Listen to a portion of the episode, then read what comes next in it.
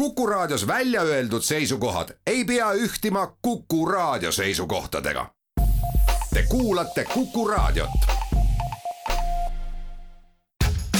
ja nüüd kohe algab Juku Raadio.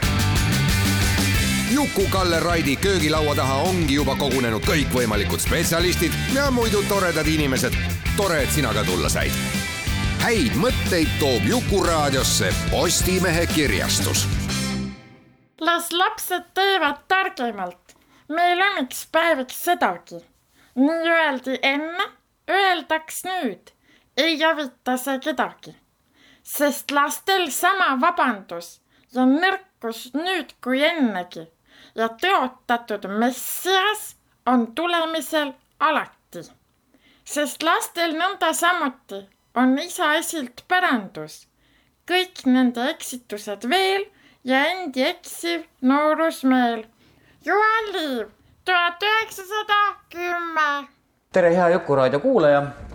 matemaatika teatab meile, et neljasaja kolmekümne kolmas Jukuraadio on käsil ja eelmine nädal me rääkisime kultuurimetseenlusest, elik siis äh, eraraha kaasamisest kultuuri, et noh, miskipärast juba nõukaajast saati on ju kogu aeg olnud enam-vähem niisugune arusaam, et kultuur, see on mingi riigi business, noh, ei pruugi olla. et ähm, need ajad ju ka muutuvad, aga äh, tõepoolest täna me räägime kunstihoonest ja ühe, ühel väga lihtsal põhjusel, sellepärast et kunstihoone nüüd äh, läheb remonti ja sellel on äärmiselt põnev ja värvikirev ajalugu. must on ikkagi noh, nagu enam-vähem teada, ehkki me ju noh, oleme kaunis ebakindlad, mis ajast me sellest ideest võime hakata rääkima, et et Eesti rahval oleks oma kunstihoone, noh nii nagu eks ju Estonia teater või siis teater Vanemuine. et kunst kui kultuuri osa.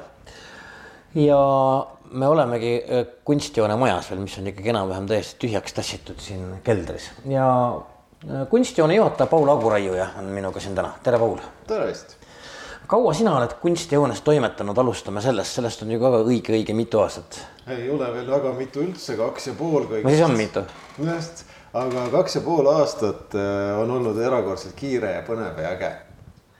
no kui me nüüd äh, pajatame selles samas kunstihoones, siis äh, me teame, et, et see ei koosne ainult näitusepindadest, siin on ju terve hunnik ateljeesid olnud ja ja kõik need auväärsed kunstnikud, kes siis on selle ateljeesid kunagi üürida saanud ja oma asju siin saanud teha, ka nemad, mitte ainult näitused, ka nemad on topitud koos oma asjadega veoautokasti ja viidud teadmata suunas. no praegu on küll niimoodi, et maja hakkab saama täiesti tühjaks.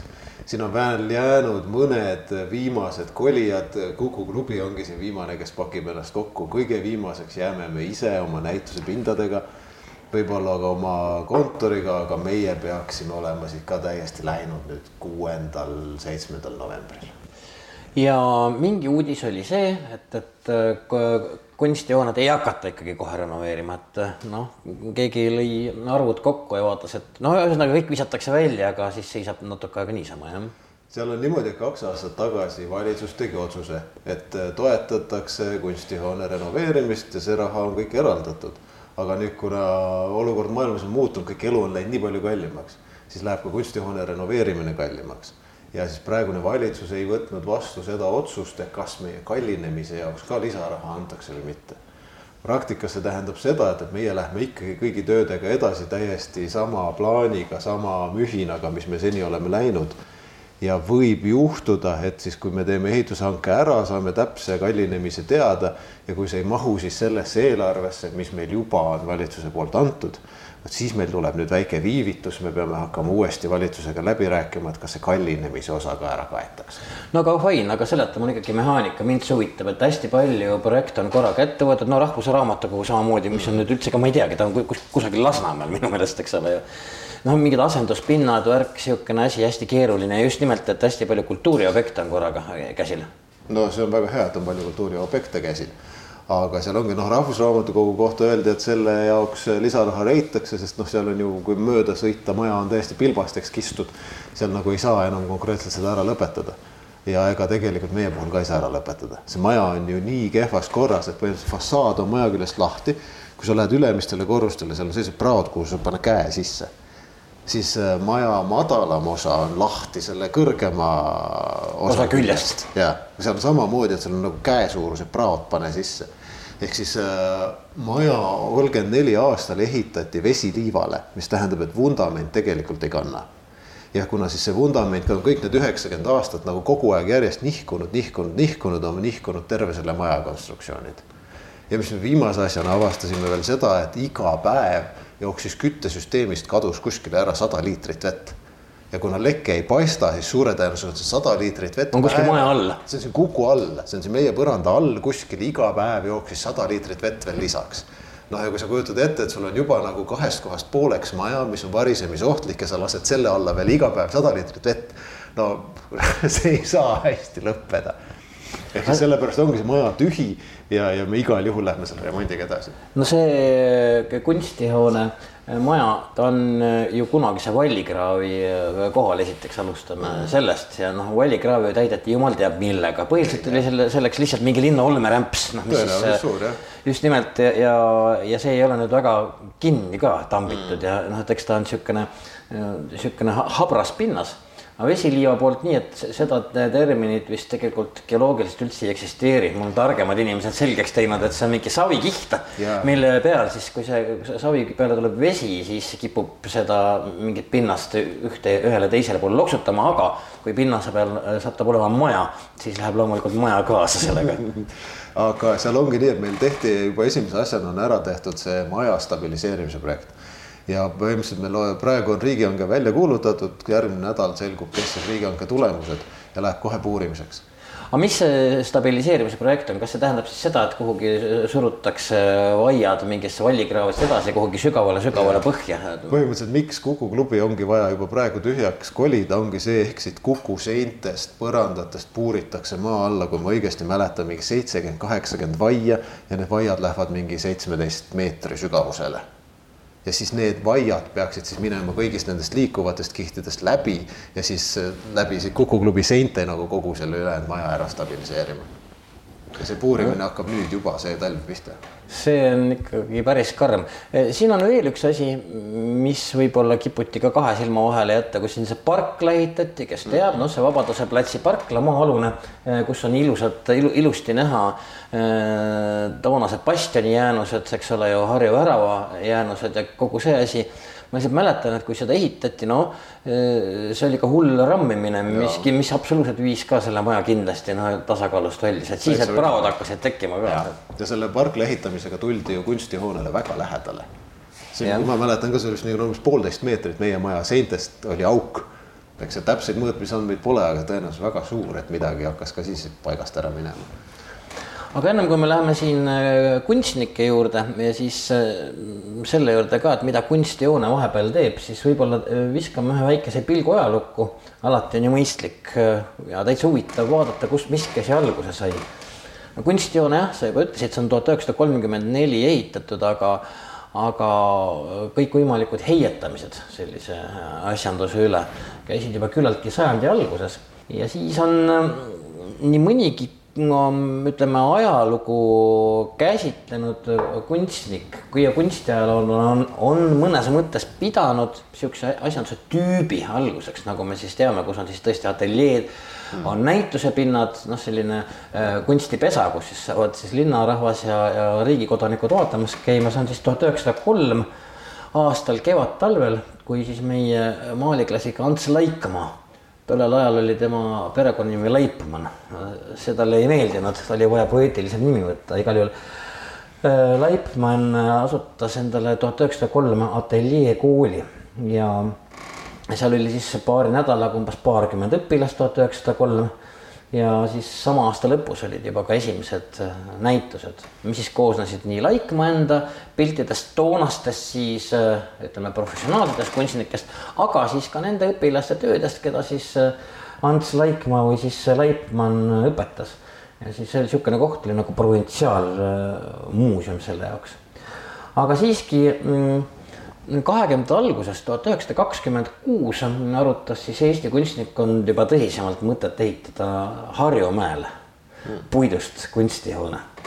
ja ka tuhande üheksasaja kahekümne seitsmendal aastal korraldas Kultuurkapitali kujutavate kunstide sihtkapital viie arhitekti osalusega arhitektuurivõistluse, noh. aga lõppkokkuvõttes ikkagi Harju mäele seda puidust sara ei ehitatud, mis oli, mis on võib-olla igaviku seisukohalt on ta parem, sellepärast ma lihtsalt arvan, et seda sara ei oleks lihtsalt üldse enam alles, et kui noh, siin on mingil moel sein püsti, siis tõenäoliselt seal ei oleks mitte mõmmigi. Ja kahekümne kuuendal aastal seda projekteerima hakati, siis tuhat üheksasada kolmkümmend kaks mais oli, see oli Edgar Johann Kuusiku kunstijooni esialgne projekt, nii et ja siis tehti veel uus võistlus kolmkümmend kaks ja siis Anton Soans ja Edgar Velbri, Edgar Velberg ja kolmas auhind oli Karl Purman.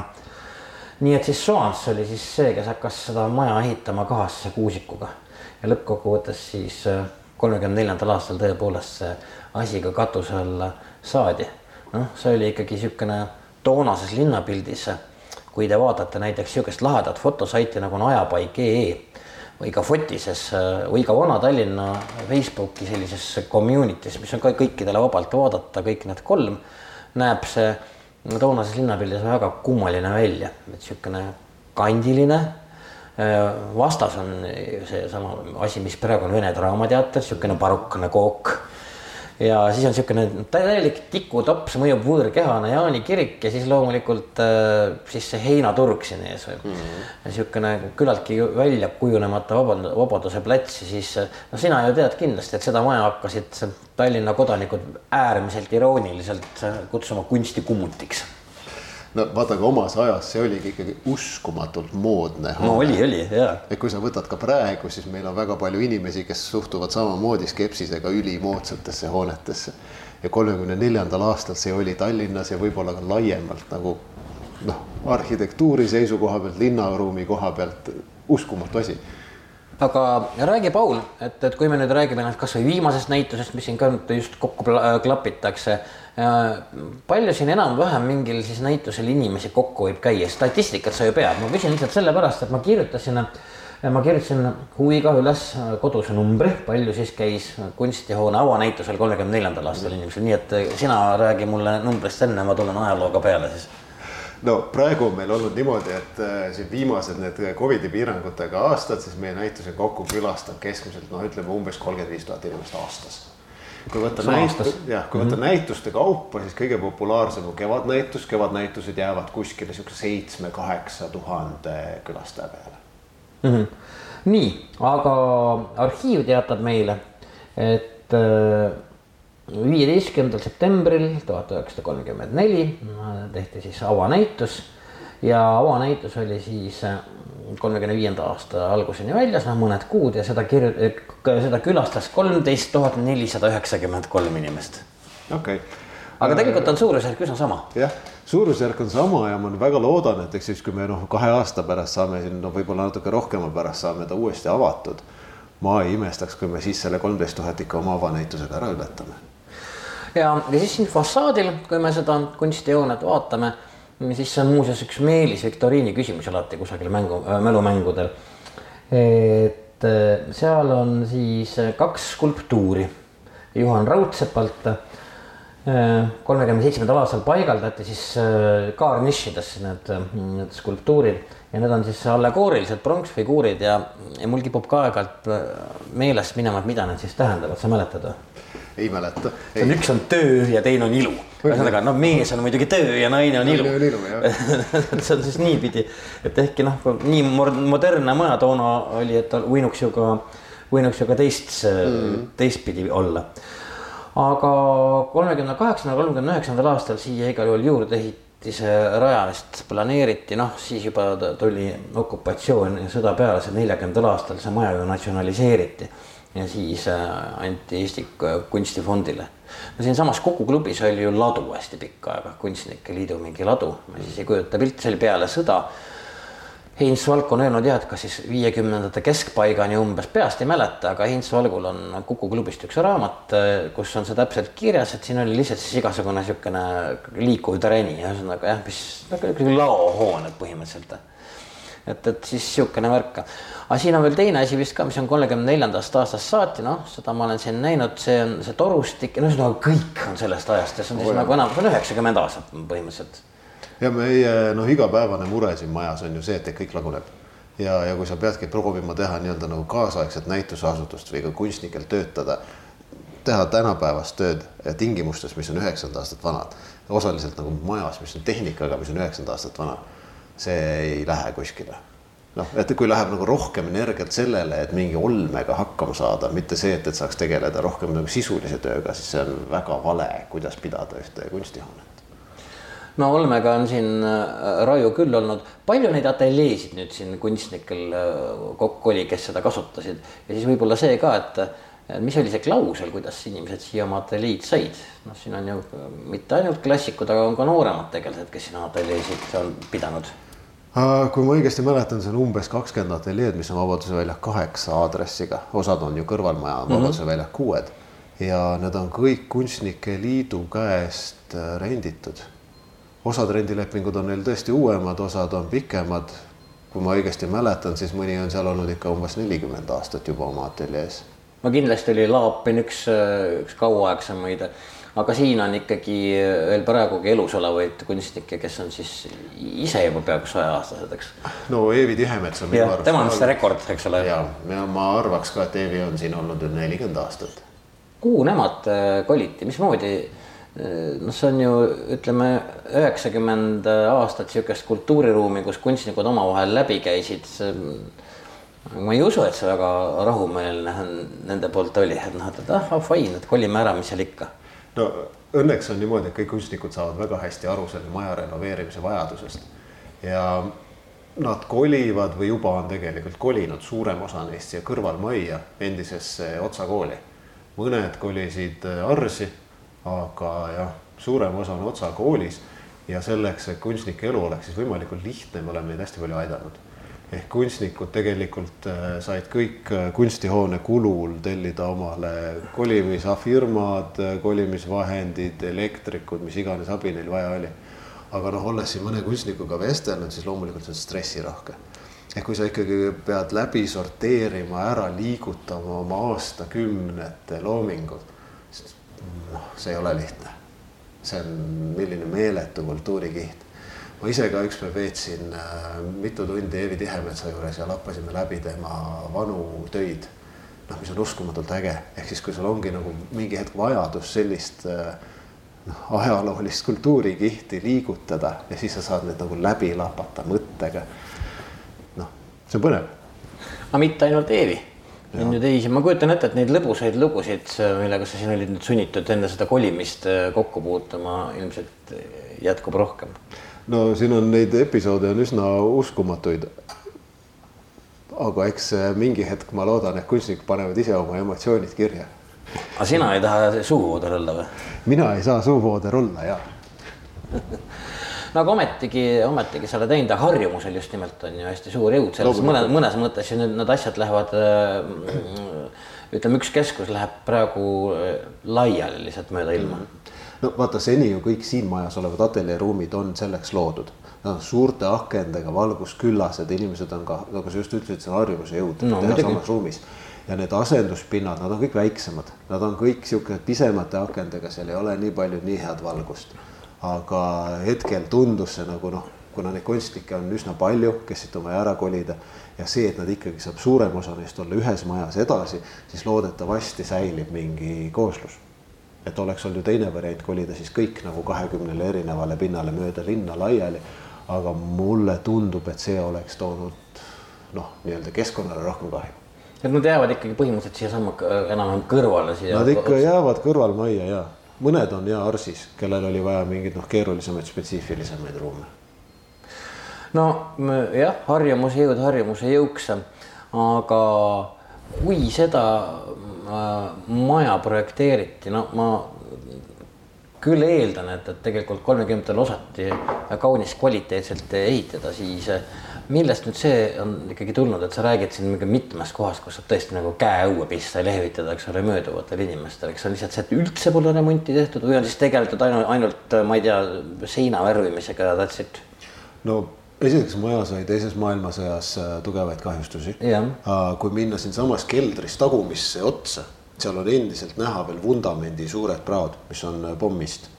ja okei okay,, peale teist maailmasõda siis maja renoveeriti, tehti need viimased kaks korrust juurdeehitust. aga peale seda kapitaalremonti enam tehtud ei ole. ainuke remont, mis tehti, oli aastal üheksakümmend neli.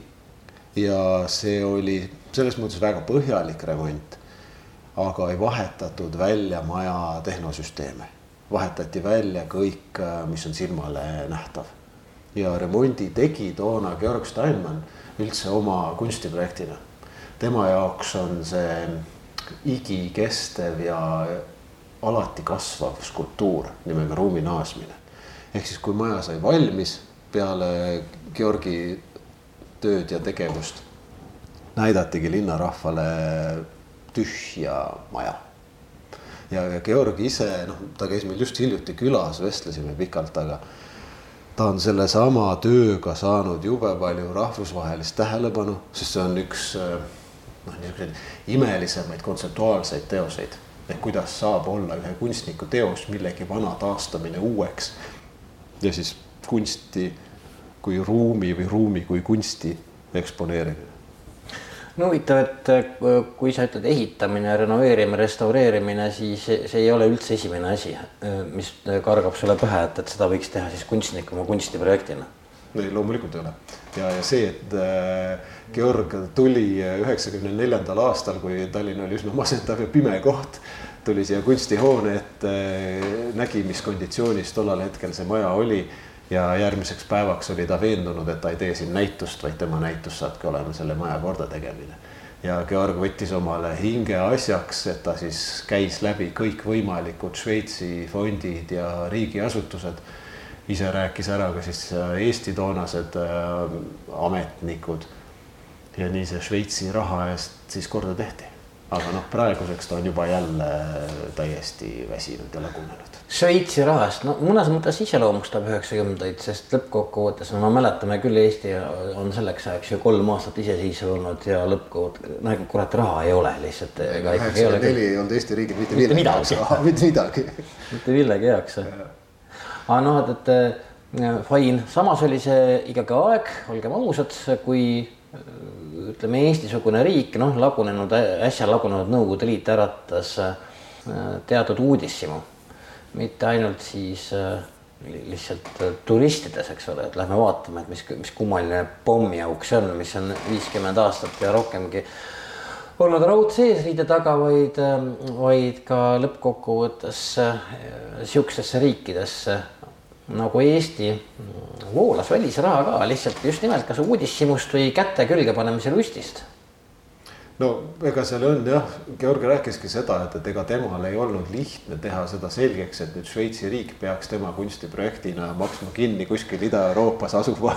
aga kui ta, kui ta selgitas, et see on siiski maja, vabandage väga, et, et mitte. just, just ja, ja see teda oli ka aidanud, et tegelikult ikkagi saadi aru, et see on maja, saadi aru, miks seda on vaja korda teha ja kuna Georg on olnud juba noh, igavik väga tundlik äh, kliima soojenemise küsimustes, siis ka kõik need materjalid, mida siin üheksakümne neljandal aastal kasutati, olid toona kõige ökoloogilisemad, mida sai leida. ehk siis Georg ise oma kunstnikuprojekti raames tegeles ka sellega, et ta äh, sõitis mööda teisi Euroopa riike ringi, otsis parimaid äh, materjale ta vahendas elavalt, kuidas tuli välja, et Eestis keegi ei oska üldse nii suuri aknaidki teha, kui sellel majal vaja on. ja kuidas ta need lõpuks leidis mingist Soome ettevõttest, kes neid teha oskas ja aga no mind huvitab, et kuidas ta üldse, hea küll, sa kirjeldad üheksakümne neljandat aastat pimedat ja õudset Tallinnat, eks. ja siis Georgi, kes siia sattus ja mõtles, et okei okay,, et siin annab käed külge panna, kuidas ta ikkagi sattus? ta kutsuti tegema kunstihoonesse näitust toonase kunstihoone meeskonna poolt. ja ta tuligi siia plaaniga, et noh, vaatame siis, milline ruum on ja millise näituse siis üks äh, Šveitsi kaasaegne kunstnik siin teha võiks. aga peale maja nägemist ta sai kohe aru, et siin on midagi muud vaja, et siin näitusest ei ole mõtet praegu rääkida kui, kui see üheksakümne neljanda aasta remont oli ja siis kogu see nii-öelda tehnopark või me, me rääkisime siin torud, juhtmed, kõiki, mis on ühe hoone noh, normaalseks eksistentsiks vaja, et, et neid ikkagi ei vahetatud ja ei saanud ka tema see, seda tehtud. ja need jäid toona kõik vahetamata, sest see on lihtsalt nii ropult äh, kallis. vahetati ära ainult siis äh, kõik need asjad, mis on tõesti inimesele näha. tehti põrandad korda, pandi uued aknad, tehti seinad korda, vahetati valgusparki. aga küttesüsteem, veesüsteem, noh, meil on päriselt seinas radiaatorid, mis on aastast kolmkümmend neli et kütte efektiivsus ei ole just see, mida, mida siin majas on noh, võimalik kuidagi mõõta või saavutada no see on ju küttesüsteem on tegelikult selle sama seisukohalt, et see kunst mingil moel säiliks või kahjustada ei saaks, on ju just oluline. no kui me nüüd hakkame renoveerima, siis me oleme ikkagi seadnud omale eesmärgi vastata sellele Briti muuseumi standardile. ehk siis tulevikus peaks meil olema kõik õhutemperatuuri kõikumine kindlas vahemikus, õhuniiskuse kõikumine kindlas vahemikus. Ehk kui me tahame ka oma, noh, me põhiliselt tegeleme kaasaegse kunstiga, aga kui me tahaksime laenata mingit teost mõnest maailma muuseumist või kasvõi äh, Eesti Kunstimuuseumi kogudest, siis nad eeldavad, et sinu ruumil on äh, need äh, nii-öelda standardile vastavad tingimused. no ilmselt kusagilt maailma suurest muuseumist ei saagi vist ilmselt laenata, kui mingeid tingimusi ei ole. ei, noh. praegu meil juba ongi see takistus, et selles suhtes, et me tegeleme ainult elavate kunstnikega, me töötame väga palju Eestis, kus need teosed tulevad, kas kunstnike enda käest või erakollektsioonidest. see on osaliselt meie valik, aga osaliselt see on ka sundus, ega meile ei antaks lihtsalt maailmakuulsatest muuseumitest teoseid, sest kui me ütleme, et meil noh, mõni päev küte on, mõni päev kütet ei ole õhuniiskusega on samamoodi, et mõni päev on ta ühes skaala otsas, teine päev teises otsas, siis kõik kehitavad õlgu, ütlevad vabandust, et sinna me küll oma väärtuslikku kunsti ei saada. okei okay,, me teeme ühe pisikese pausi. Mm, neljasaja kolmekümne kolmas Jukuraadio köögilaud on sihuke täiesti enam-vähem tühjaks pekstud äh, kunstihoone keldris. Paul Aguraiejoht, kes on siis mm, tiba üle kahe aasta seda maja juhatanud, ma pean oma peene nimega direktor ütlema sulle ei, minu, minu ametinimetus on ikka juhataja. juhataja. direktorid olid vanasti. nii et äh, me räägime siis ka kunstihoonest Eesti kunstimaastikust, aga me jõuame teise saate teisel poolel ka kõikvõimalike uusehituseni, mis lõpp, uusehitusteni äh, kultuurivaldkonnas, mis lõppkokkuvõttes, no ühest küljest on see kindlasti visiitkaart, mitte ainult äh, väliskülastajatele, vaid ka kohalik riigi visiitkaart, et mil moel me oskame oma Äh, kultuuri eksponeerida. Te olete Kuku raadio lainel ja kuulate Jukuraadiot. häid mõtteid toob Jukuraadiosse Postimehe kirjastus. jätkame siis äh, kunstihoone teemalist saadet, Vabaduse platsil see asub. Äh, Paul Aguraiejuht, kes on kunstihoone juhataja, on siin tühjaks pekstud keldris, ma ei kujutagi ette, huvitav, kas pärast raadios kajab ka hirmsasti või ei kaja, aga igal juhul noh, tühi on ja tühi, mis tühi me jõudsime enne jah rääkida päris drastilisest olukorrast, milline see kunstihoone on jah, et, et just needsamad kohad, kus sa saad oma käe tänavale välja torgata rahulikult. kui me räägime korraks Vabaduse platsilt ja kes esimest plokki kuulas Vabaduse platsist, siis ehm, ka teatud dissonantsist, mis on Vabaduse plats mõnes mõttes sellest ajast saati iseloomustanud, kui vuurimehed hakkasid ära kaduma, siin oli uurimiste seisuplats kahekümnenda sajandi alguses ja siis ehitati Jaani kirik ja siis äh, see hoone, mida me teame täna Vene Draamateatrina, mis oli küll algul kinoks ehitatud. nii et äh, kui me nüüd need ja siis see kunstikummut muidugi, eks, siis see kolmekümne neljanda aasta kunstikummut, mille keldris me istume. et äärmiselt eklektiline keskväljak, võiks öelda. oo oh, jaa noh, praegu, kui sa vaatad keskväljakut, siis see on ju veel eklektilisem, kui sa mõtled kõiki neid sümboleid, mis on praegu ümber väljaku ja mis on keset väljakut nagu kokku topitud. see on ikka noh, Rosolje Zefiiriga. Rosolje Zefiiriga sa pead silmas seda Vabaduse sammast, eks ole?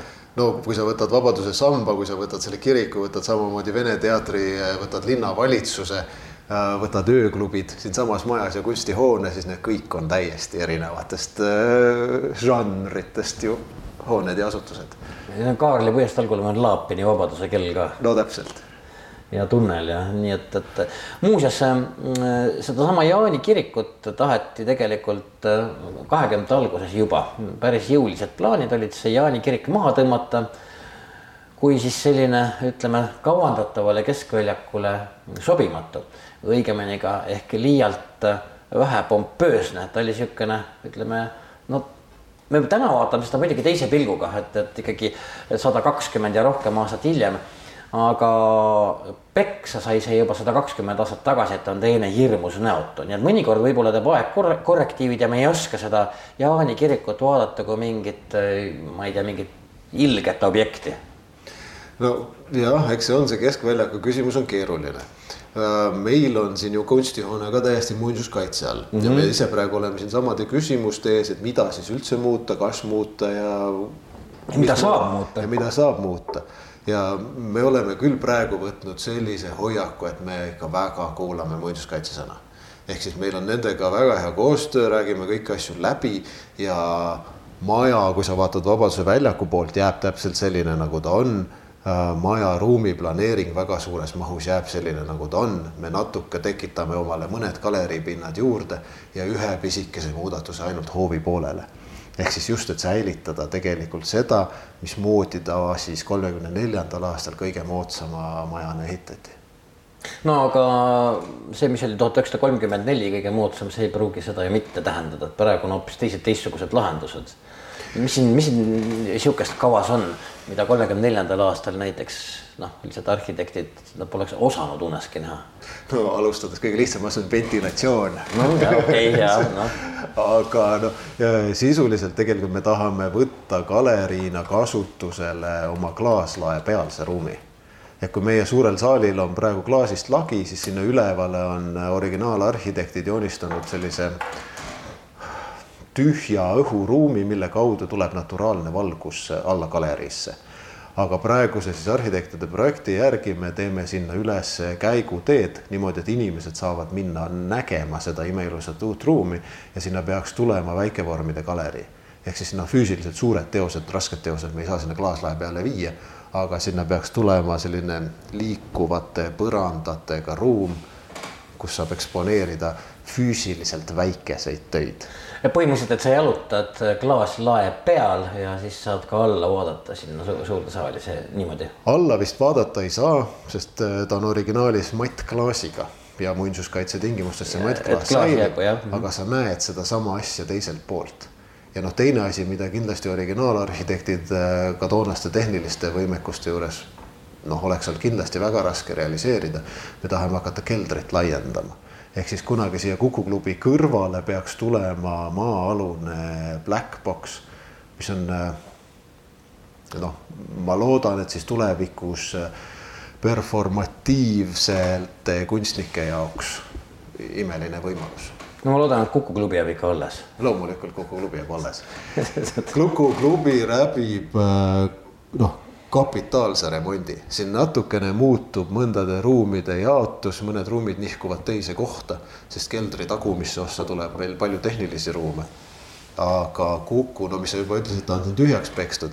Kuku on tühjaks pekstud sellepärast, et ka siin on ju peaaegu kõik muinsuskaitse all mm -hmm. ehk siis suurema osa asju. mööbel restaureerida, nii edasi, nii edasi. siit viidi kõik välja, need on kaks aastat nüüd Viljandis taastamisel, kahe aasta pärast tulevad valgete kinnastega poisid ja panevad selle Kuku klubi siia niks-naks tagasi kuule, aga räägi mulle sellest äh, asjast, kui okei okay,, kui me, kui me taastame, see kõik on, siin on hästi palju on muinsuskaitse all, siis me teame, et see võtab aega. Fain, ma tean, et sa ei ole iromant ja täna on, täna on jube sitt ennustada, et um, millal see valmis võiks olla, noh.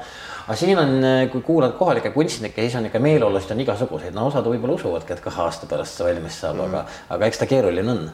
no seni me olime ise ka ikkagi väga optimistlikud, et kakskümmend neli aasta lõpuks kolivad kõik tagasi nüüd, kui äh, sellel nädalal tuli see valitsuse uudis, et äh, kunstihoone ehituse kallinemist praegu ära ei otsustatud, selle jaoks see aasta raha ei leitud. Äh, noh, tõenäoliselt tuleb seal nüüd sellest tingituna väike viivitus sisse, mis on äärmiselt kurb, sellest on äärmiselt kahju, sest tänu sellele viivitusele meil saab siis olema Vabaduse väljakul, riigi esindusväljakul noh, tühi tondilöss noh, nii ta ju ongi, et seisab lihtsalt ja ei kasutata. jah, sest kasutada seda ei saa, ta on varisemisohtlik. põhimõtteliselt see kütta teda enam ei saa ja seda kütteleket kuskilt ei leia.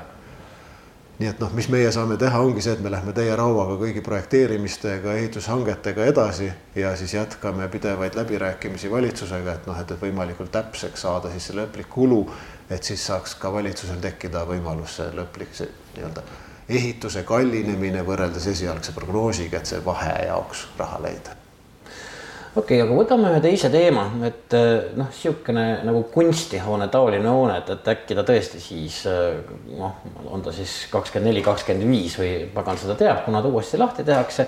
et selle üle ilmselt ei vaidle keegi. Eh, et sihukest asja, noh, vabandage väga, oleks idiootne maha tõmmata, seda ei saagi maha tõmmata, see tuleb korda teha.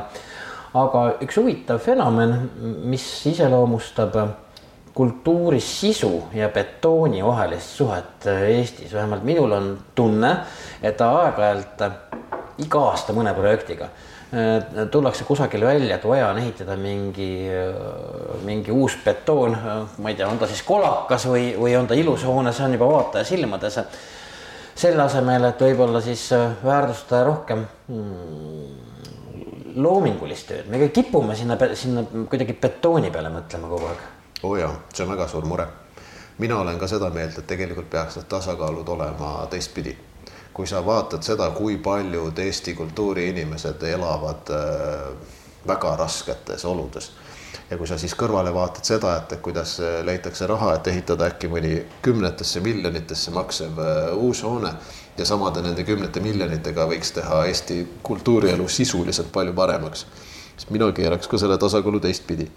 Ma pigem keskenduks juba olemasoleva infrastruktuuri või siis noh, majade, eks ju äh,, kohendamisele, paremaks tegemisele ja see, et, et seal oleks inimestel või rohkematel inimestel paremad võimalused millegi sisulisega tegelemiseks no üks näide on muidugi, mis ka kõvasti vastuseisu pälvis, oli seesama Tartusse planeeritav Süku, eks ole ju mm -hmm.. pisik, küllaltki pisikesse parki Tartu kesklinnas, noh et äh, ka see tundub siukese mm, betoonist mõtlemisena, minule vähemalt.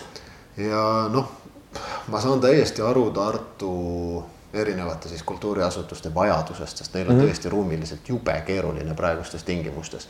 Aga kui nüüd kuulata seda, kui palju läheb Süku kallimaks, mis seal praegused prognoosid tulevad, noh, ongi väga keeruline.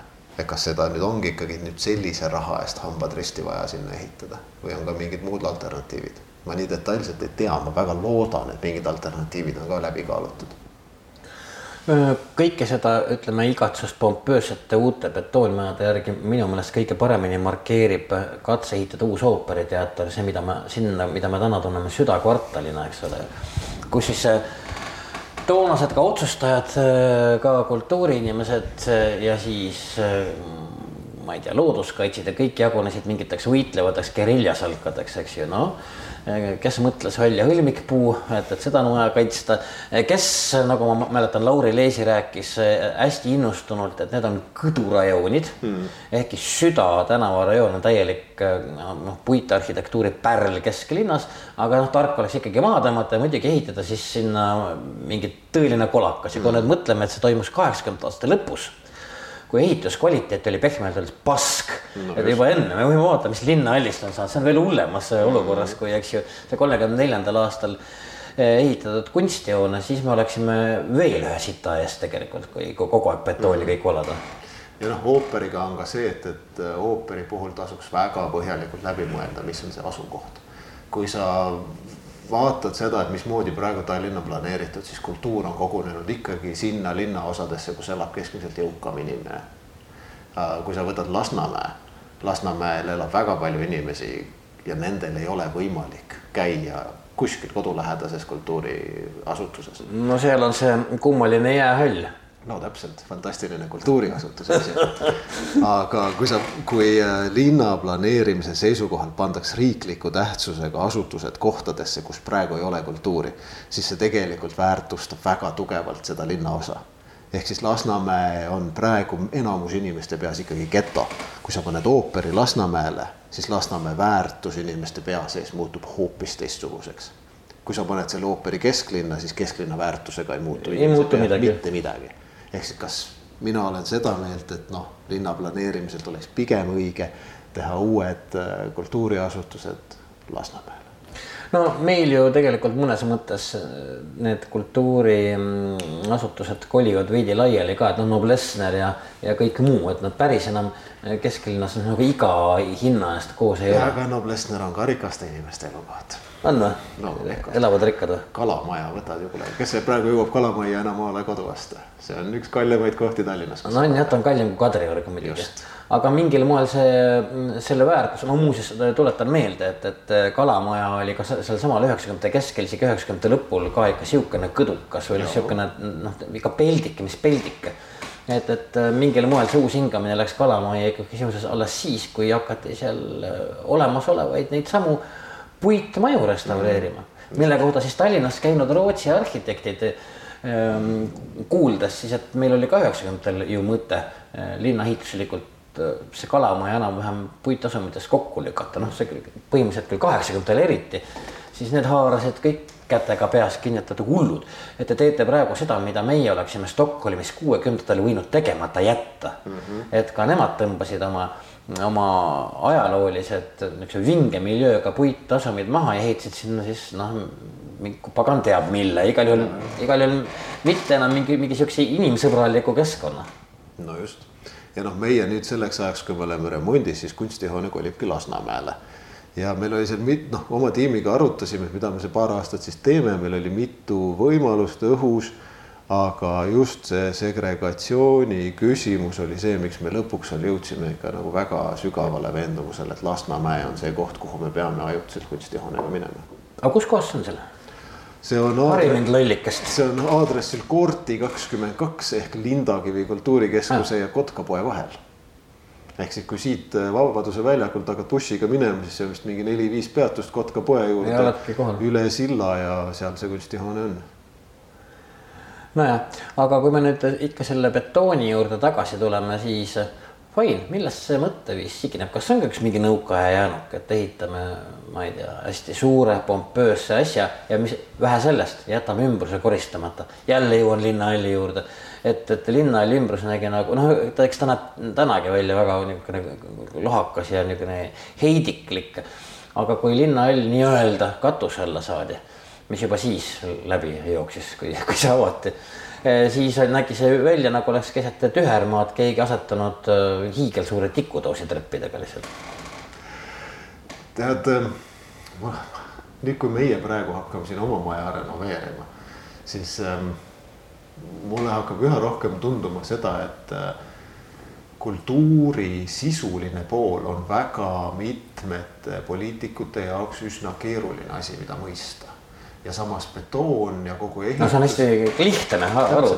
seda on palju lihtsam mõista, seda on palju lihtsam äh, ka laiemale avalikkusele lahti seletada. meil on praegu väga vedanud äh, kultuuriministriga, kes nagu päriselt saab aru, mis kultuuris toimub tervitame siis Piretit või?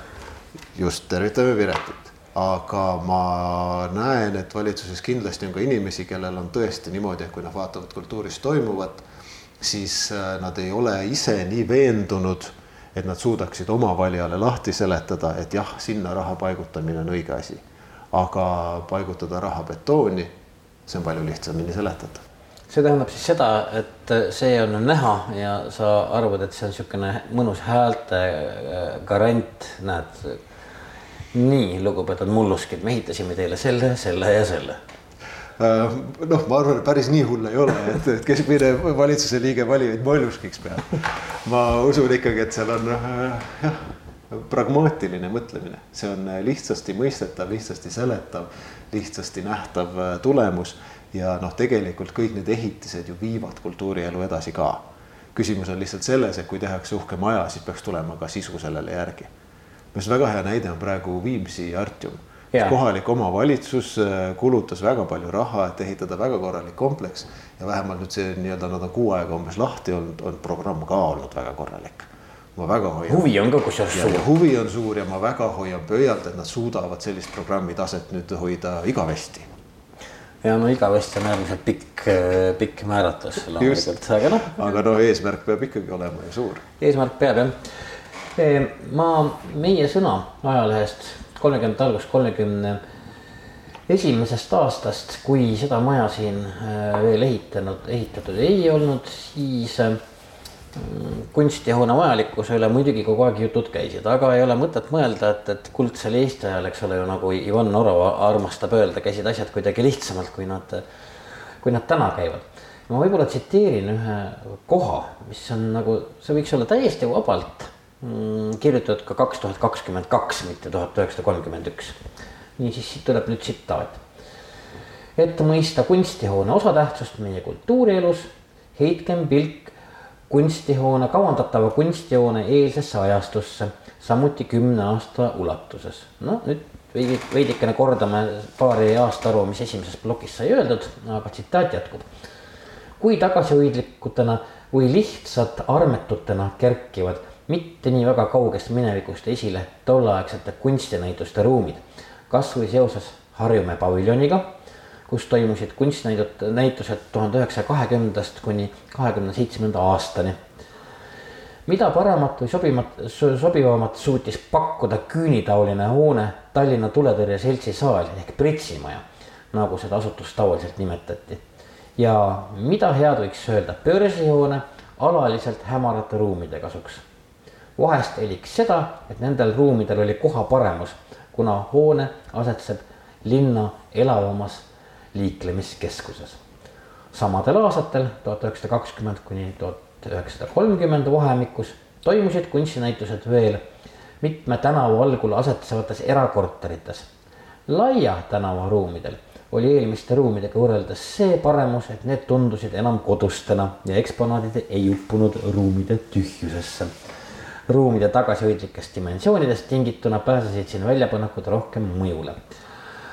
Aga nüüd ta kirjeldabki, et noh, et olukord paraneb, kui kujutava kunsti sihtkapitali valitsus äh, suvatseb nüüd selle kunstijoone ehitada, nii et tegelikult äh, lõppkokkuvõttes see, see ajavahemik, mil siin Tallinnas olnud äh, kunstijoone pakub noh, ikkagi ütleme kvaliteetset ruumi, kus saab kunsti vaadelda, see ei ole ju üldse kauge aeg, kui me nüüd räägime sellest kolmekümnendast aastast ja tõepoolest mõtleme, et mingit kuurisarnased hooned Pritsumaja hoovil ja, ja paviljonid Harjumäel, siis äh, selles mõttes on noh, meil jah, ikkagi parem, parem jah, las remondime selle asjanduse siin ikkagi ära no ma loodan ka, et see asi niimoodi lõpeb. eks ta peab lõppema. Eh, Tallinna muuseas, kui sa rääkisid ka korraks, tulles sellele, et, et kultuur, noh, betoon muidugi võimaldab võimaldab kultuuril toimetada ja see on ka üks siis Süku pooldajate Tartus üks argument, et tõepoolest, et, et erinevates Tartu otstes mm, olevad erinevad noh, erinevate kunstide esindajad. Et, et seal ei ole nagu ühtset sellist keskust, noh, Vaimne Rahvamuuseum on, aga sellist keskset keskust ei ole, noh, sellest võib ju isegi, isegi aru saada, et, et Endale võib-olla see Süku ei tundu kõige mõistlikum, aga noh, tühi-tähi, las tartlased võib-olla teavad seda, teavad seda paremini. aga Tallinnaga on nüüd küll niisugune lugu, et mõneks ajaks tundub, on veel mõnedki muud päris äh, vast tulevikus olulised asjad vaka alla pandud ja me räägime vast Eesti filmist näiteks. mingid asjad samamoodi rahapuudusel jäävad praegu ehitamata, pole midagi parata. no filmilinnak on äh, minu arust asi, mis tuleks igal juhul hästi kiiresti valmis ehitada. sest kui sa võtad seda, et milline järjekord on ukse taga nendest rahvusvahelistest filmitootjatest, kes tahaks tulla Eestisse tegema ja nad toovad ju reaalselt raha sisse riigi majandusse. Et äh, kui nüüd järgmisest aastast suureneb see mm, rahvusvaheliste filmitootjate tagasimaksetoetus, see on ka ülimalt õige otsus. sest äh, praegu paratamatult film on Eestis ainuke kultuurivaldkond, mis päriselt toob raha sisse riigile no kultuur võib-olla ei ole see koht, mida saab ainult äh, hinnata selle järgi, palju ta raha sisse toob muidugi jälle, kultuur... kahe kahe otsaga. See on nagu vars, mille mõlemas otsas on kahvel. just, aga vaata, me enne rääkisime betoonist, noh, vaata, see on betoon, mis toob raha sisse tagasi ülejäänud kultuuribetooni pandud raha on tehtud ja meie põhiseaduslikel eesmärkidel, et säilitada Eesti riiklust ja Eesti kultuuri. see on koht, mis ei säilita Eesti riiklust ja kultuuri, aga mis toob päriselt riiki raha sisse. kas Lasnamäel jätkuvad ka kunstihoone näitused? ja see Lasnamäe paviljon, mille me ehitame ja nüüd novembris avame, seal on näituse pinda peaaegu viissada ruutmeetrit. See on kõik äh, üks suur äh, ruum ja näituse programmi koha pealt me ei tee mitte mingeid muudatusi, mitte mingeid allahindlusi, et me lähme ikka tegema samasugust kaasaegse kunsti programmi, mida me teeme siin Vabaduse väljakul no vinge, kuule, aga Paul Agurõie, aitäh, et sa viitsisid Juku raadiosse tulla, me oleme selle saate ootamatult täis lobisenud, aga on ka mm, mille üle rääkida tõesti, sest lõppkokkuvõttes taasatavaid kultuuriobjekte on praegu rohkem kui mul ei tulegi sihukest aega meelde, kus seda nii hoogsalt oleks tehtud. ja selle koha pealt ma võin küll öelda, et olles siin kunstihoones ka ise ringi tolgendanud nii üleval kui all, siis ikkagi tagumine aeg on niisuguseid asju ära parandada. loomulikult, et me ei saa lubada omale seda, et meil on riigi esindusväljakul maja, mis kukub pooleks see ei ole väga vahva see ei ole üldse vahva nii et jah, ärme Jaani kirikut maha lammuta sedapuhku, vaid taastame mingid asjad ära just. okei okay,, aga Paul Aguraiule aitäh, ma siis pean pöialt, et äh, mõnede aastate pärast on see siis kaks või kolm või, või neli või? ma loodan ikka, et kaks ja pool. Me loodame kaks ja pool, noh, me võime siin praegu jätta meelde, et me räägime siin septembri lõpul, eks ole, ja kaks tuhat kakskümmend kaks vaatame, kas, kas meie lootused lähevad siis täide. kui see asjandus valmis saab, siis kui mitte enne, siis, siis ma kutsun sulle kindlasti Juku raadiosse tagasi. teeme nii, tulen hea meelega olge mõnusad ja meie jätkame siis Juku raadioga järgmisel nädalal. Mm, täna me rääkisime kunstihoonest Tallinnas, aga mitte ainult, me rääkisime kultuuriobjektidest ja tõepoolest nende parandamisest. nii et järgmise nädalani ja mm, kunstihoonele tuleb hoida pöialt, olge mõnusad. las lapsed teevad targemalt, meil õnneks päeviks sedagi. nii öeldi enne, öeldaks nüüd, ei avita see kedagi sest lastel sama vabandus ja nõrkus nüüd kui ennegi ja tõotatud messias on tulemisel alati. sest lastel nõnda samuti on isa esilt pärandus, kõik nende eksitused veel ja endi eksiv noorusmeel. Juhan Liiv, tuhat üheksasada kümme.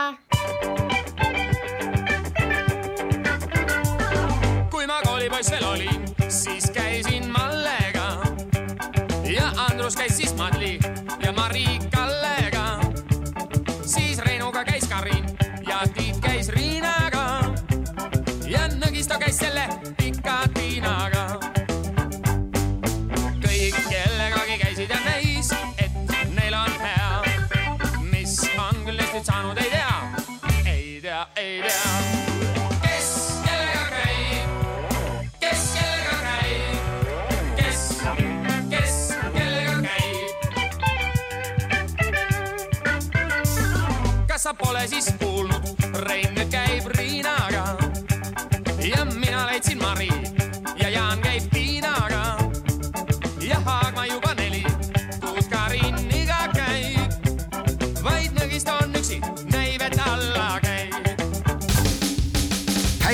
mõtteid toob Jukuraadiosse Postimehe kirjastus